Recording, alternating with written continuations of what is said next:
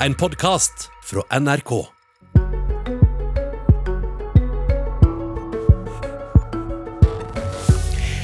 Bli med ett år tilbake til ei helt anna smittetiltakstid. Fra nå av så er det jo da betydelig sterkere krav. F.eks. det kravet som kom i går om ingen møter med, med arrangementer med over 500 deltakere. Vel møtt til Politisk kvarter ett år etter at landet stengte. Og Det er ikke helt tilfeldig at det er statsminister Erna Solberg og Arbeiderpartileder Jonas Gahr Støre som er med oss i dag. For det satt i dette studio nøyaktig for ett år siden. God morgen. God morgen. God morgen. Erna Solberg er med oss fra statsministerbostaden. Og Solberg, kan du huske hva det første spørsmålet du fikk den gangen var? Nei, Det husker jeg ikke helt, men jeg husker at jeg syntes det var en vanskelig diskusjon uh, å sitte der. For jeg visste jo at vi i løpet av dagen ville komme med tydeligere og sterkere tiltak, men uh, det var altfor tidlig for meg å begynne å annonsere det eh, før vi var sikre på hva vi skulle gjøre og hvilke områder det skulle komme på. Ja, spørsmålet du fikk var nemlig om Trine Skei Grande, som dagen før hadde varsla at hun ville gå av. Og så hadde ikke regjeringa fått på plass en ny fiskeriminister, så spørsmålet var om landet ble skikkelig styrt. Men 12. mars var altså dagen som men vi, var, men vi var skikkelig styrt. Ja da, du svarte tydelig på det. 12. mars ble dagen da alt forandra seg, men det skjønte vi ikke ved å høre Politisk kvarter den morgenen. Nå er jeg opptatt av at vi bør, vi bør, snakke her og nå, hva som ligger foran oss. For det kommer til å kreves i døgnet som kommer ganske kraftige beslutninger som hele landet bør lytte til og ta hensyn til. Og da tror jeg vi må over fra det at vi overlater hver kommune til seg. Vi kommer til å komme tydeligere tiltak etter hvert som det utbrer seg mer. Og derfor er det ganske tydelig nå at vi har karantenebestemmelser. Nå blir alle som kommer på en flyplass og vil fly til Norge fra områder hvor det er utbredt smitte, informert om at da blir de satt i karantene når de kommer til Norge. Jeg vil oppfordre statsministeren så sterkt jeg bare kan til å si det er bedre å gjøre litt for mye tidlig enn å komme for sent. Og det er klart Vi skal ta tydelige steg på det, men vi må også huske konsekvensen. F.eks. hvis vi stenger alle skolene i Norge. Da får vi et problem med foreldrene som er helsepersonell og som skal være og hjelpe de som er syke. Takk, Erna Solberg og Jonas Gahr venter altså på statsminister Erna Solberg, som har varslet en pressekonferanse. Magnus, Det er en ganske ekstraordinær situasjon. Jeg tror det er trygt at vi kan si det. Ikke sant? Det går jo først nå opp for mange familier, tror jeg, hvor, hvor forandret livene våre kommer til å bli. Kjære alle sammen. I dag kommer regjeringen med de sterkeste og mest inngripende tiltakene vi har hatt i Norge i fredstid. I går hadde jeg møte med de parlamentariske lederne. Det politiske Norge står samlet om å bruke kraftfulle tiltak. Det var den gangen. Vi skal komme tilbake til hvorvidt det politiske Norge står så samla lenger. Men eh, Erna Solberg, før denne sendinga er det bestemt at en skal innføre strengere nasjonale tiltak. Vi får inntrykk når vi hører på deg at det er noen dager til det skal skje. Etter denne sendinga reiser du rett på et møte i beredskapsutvalget mot biologiske hendinger, som starter halv ni. Er det da du får lista over tiltak, og det er da du bestemmer deg at det må bli pressekonferanse allerede i dag? Nei, det er litt seinere på dagen vi får lister av tiltak. Men det vi visste, og det jeg i og for seg visste når jeg satt i, presse, uh, i, i Politisk kvarter, det var jo at vi kom med strengere tiltak. Men hvor strenge, det var på det tidspunktet ikke avklart. Det er ganske viktig å si at jeg hadde de samtaler med, med helseministeren kvelden før. De jobbet i Helsedepartementet, i Helsedirektoratet, med hvilke innstramninger som skulle være.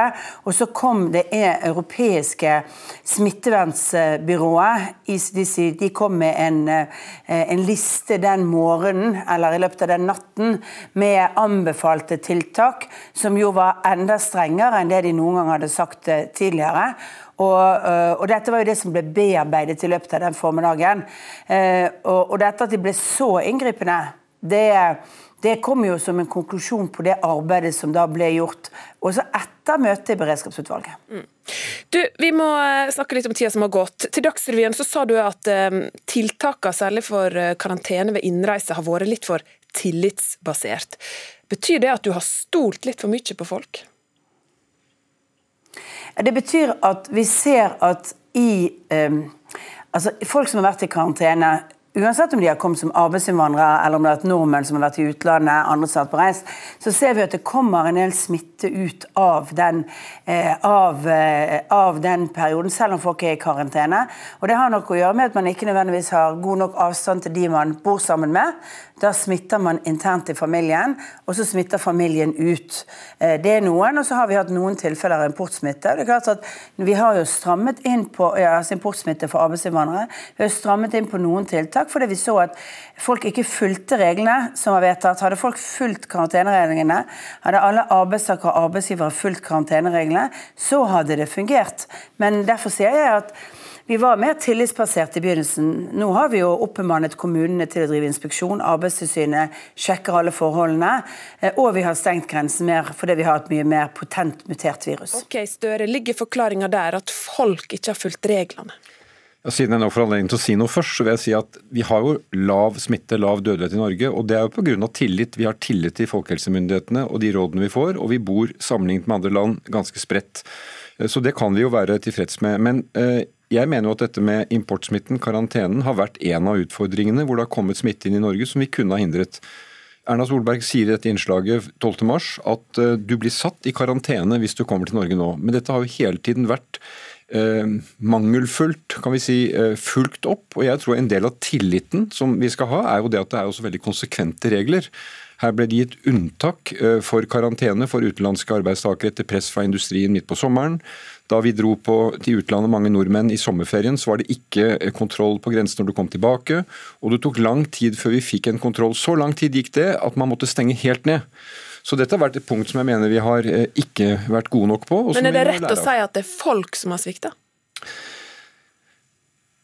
Jeg syns det er et veldig vanskelig ord å bruke nå, når folk har stilt opp sånn som de har. Men det er klart at når du ikke følger karanteneregler, eh, så er det jo det at du, du, du styrer utenom det. Men, men, jeg mener da at det er et myndighetsansvar å sørge for at den kontrollen er konsekvent. For du kan ikke bare ha lover og regler som står der, de må også håndheves. Og da sier du at hvis Arbeiderpartiet hadde styrt landet med andre tiltak, eller tidligere tiltak, eller strengere tiltak, særlig for dette med importsmitte, så hadde det vært mindre smitte her i landet. Hva vil du oppnå med å Nei, men jeg får, jeg får, et spørsmål om uh, ville en annen politikk kunne redusert smitten, og jeg mener svaret på det er ja. Vi etterlyste mer konsekvent kontroll ved grensene, bedre grensekontroll, mer testing. Og men, da men kan du smitten, vite da, dette, Støre? For FHI-direktør Camilla Stoltenberg sier jo at vi vet overraskende lite om enkelttiltak ja, sin effekt. og Derfor er jeg veldig varsom med å si det, men jeg mener på punktet importsmitte er et av de svake punktene vi har hatt når det gjelder smittekontrollen. Eh, og Hadde vi vært mer konsekvente på det, så tror jeg vi hadde hatt mer kontroll med smitte som kom inn, smitte som ikke ble kontrollert, eh, og folk som ikke ble fulgt opp i karantene. Og lavere smittetall? Da hadde vi hatt lavere smittetall. Og lavere dødstall? De har vært lave hele veien, eh, så det kan jeg ikke, det kan jeg, den sammenhengen kan jeg ikke peke på om den smitten som kommer ut, fører til dødstall. Solberg? Ja, Det får stå for Jonas sin egen erklæring at han mener at han ville gjort alt bedre. Jeg tror vi ville gjort mye av det samme fordi vi har fulgt faglige råd. Og jeg tror det ville vært vanskelig for, for Jonas Gahr Støre å sitte som statsminister og ikke fulgt de faglige rådene. F.eks. fikk vi ikke et faglig råd om å teste på grensen obligatorisk før vi begynte å gjøre det. Da var det faglige rådet at det var feil bruk av ressursene. Det hadde også stortingsflertallet gitt regjeringen ryggdekning for like før jul. Når det faglige rådet skiftet, så skiftet det. Og selv er det sånn at jeg nå det er en liten erindringsforskyvning på hva Arbeiderpartiet har ment. Jonas mente selv i august at det ikke skulle være obligatorisk testing på grensene. Eh, ok, la oss ta den over til Det ikke sånn at Arbeiderpartiet er konsekvent i denne sammenhengen. Men du, Erna Solberg, la oss være redelige. Jeg sier ikke at alt ville vært bedre med meg, men på dette spørsmålet mener jeg at det har vært en svakhet. Dere fulgte ikke faglige råd da dere ga unntak for de som fikk reise inn på sommeren. Eh, da var folkehelsemyndighetene skeptiske til det.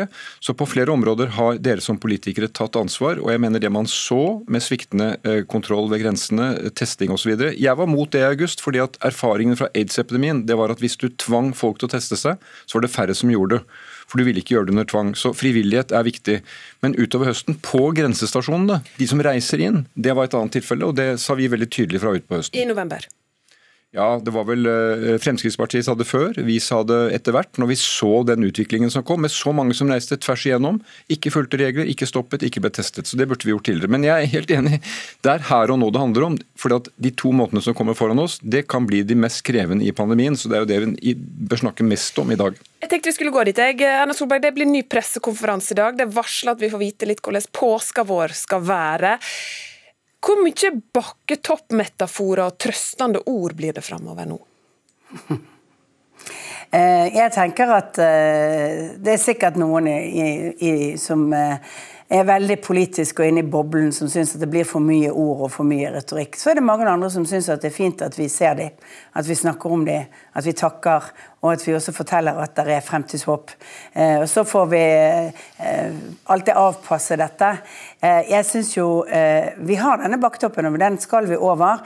Og forutsatt nå, og det, vi har hele tiden sagt at vaksineprogrammet vårt gir en mulighet for å kunne bli fullferdig med vaksine for voksne inn i eller gjennom sommeren. Men vi har også hele tiden sagt det som, som, jo er utfordringen. Det er avhengig av leveransene fra selskapene. Og dette har jo Vi får nyheter som er gode den ene dagen, dårlige den neste dag fra ulike selskaper. Fortsatt ser det ut som vi skal kunne komme i havn med dette, men det er jo, det er jo krevende å vite hvor lang eh, og denne bakketoppen kommer til å være. Det er litt slitsomt å hele tida få vite at det bare er en baktopp igjen, men det husker vi fra eh, tida som barn. Støre, hva trenger det norske folk framover nå, etter ditt syn? Det er jo fullt trykk på vaksiner, at vi klarer å rulle ut det. Det jeg, vi ikke har snakket om i denne sendingen, er jo konsekvensen av krisen. Altså De som har mistet jobben, de som har sett livsverk gå over ende, og det vi ser på psykisk helse. De som var sårbare før krisen, er blitt mer sårbare under denne krisen. Eh, noen snakker om pandemien etter pandemien, altså de som blir stående igjen. Mange har klart seg veldig bra gjennom dette, med hjemmekontor og økonomien har vært grei. Men de som er i den andre enden, de som ikke har kunnet beskytte seg, jo, men de må vi, vi må følge opp også utover nå. Skjer ikke det, tror du? Arbeiderpartiet har vært med i et stortingsflertall og dratt denne politikken i en mer rettferdig retning. Vi har ikke klart å hindre at de utbetaler store bonuser og utbytter til de bedriftene som får støtte, det mener jeg er feil. Men også utover nå så mener jeg vi skal være veldig til stede for det. Og dette med lavterskeltilbud på psykisk helse ute i kommunene, det kan vi ikke vente med til høsten. fordi at i noen kommuner så er dette en stor utfordring, og de menneskene bør vi se. Ingen bør stå alene med dette nå. Solberg. Det er jeg helt enig i. og Derfor begynte vi allerede i fjor vår med å styrke arbeidet på psykisk helse. og Vi så en uheldig tendens til at man flyttet eh, helsesykepleiere fra å jobbe med skoleelever med andre over til smittevernarbeidet. Derfor har vi vært tydelige og Hva? Hva vil skje framover? Oh, ja, fremover. Ja, eh, men, eh, og Derfor så satte vi nå ned et utvalg som skal gå gjennom og gi oss råd med både praktikerne og forskerne på hva skjer egentlig på psykisk helse. For her er det to mismatcher. Eh, altså Det er noen som sier at det er mye mer og vanskeligere situasjon, og så er det andre som sier det leser vi ikke ut av statistikken. Men statistikken er nok litt litt bak, altså litt bak utviklingen. Og Derfor har vi bedt dette utvalget om å komme med anbefalinger faktisk like over påske, og en rapport på, eh, til mai, sånn at vi kan inn i arbeidet vårt med revidert nasjonalbudsjett også ha et fokus på hvilke tiltak vil være viktigst. Og lavterskeltilbud er viktig, men det er jo også viktig det som eh, Høyre sammen med Frp og KrF og Venstre gjorde i Stortinget, nemlig å gi mer penger til den uh, tunge, tyngre delen i psykisk helsevern, nemlig spesialisthelsetjenesten. Større. Ja, Sykehusene må styrkes, men jeg, jeg tenker nå det var spørsmål om tillit til folk. Vi snakker om at uh, vi takker folk, og det gjør Erna Solberg, og det syns jeg vi alle skal gjøre. Men eh, helsevesenet vårt trenger ikke bare en takk, det trenger å bli styrket. Og vi må jo tilbake igjen der. Var vi godt nok forberedt sist? Det var vi ikke på mange områder. Den neste krisen knyttet til helse blir ikke lik den forrige, men det som er fellesnevneren, er at fellesskapet, velferdsstaten, institusjonene våre, partnerskap ute med partene i, i arbeids- og næringsliv, det er det vi må satse på. Dette blir jo temaer inn mot valgkampen. Eh, hvordan prioriterer vi det? Hvordan bygger vi det? Privatiserer vi, splitter vi det opp, eller samler vi ressursene? Og Her er det mange lærdommer fra denne pandemien. Erna Solberg, eh, helt til slutt. Eh, det kommer liksom foruroligende meldinger nå fra Nakstad og co. om at vi er på vei inn i en tredje bølge, eller kan være det. Hva er din analyse? Altså, Det er litt spørsmål Hva definerer vi som en tredje bølge? Vi har et veldig høyt smittetrykk i deler av landet nå. Er, vi har fortsatt strategien om å slå ned lokalt. Eh, den fungerer godt mange steder, men vi har vedvarende høyt smittetrykk, særlig i Oslo. Noen av kommunene rundt Oslo, altså i Viken. Og der er hovedtyngden av det. Det er bekymringsfullt, og så vi, får vi håpe å se at det snur seg. Oslo har levert sterkere tiltak. Det har mange andre kommuner gjort i løpet av denne uken. Men eh, eh, vi tipper. Eh, det er en skjør situasjon, eh, og vi, vi må... må få ned smittespredningen nå. Takk skal du ha, Erna Solberg, Jonas Gahr Støre. Så får vi se da 12. mars 2022 hva som blir tema den gangen. Du har hørt en podkast fra NRK. Hør flere podkaster og din favorittkanal i appen NRK Radio.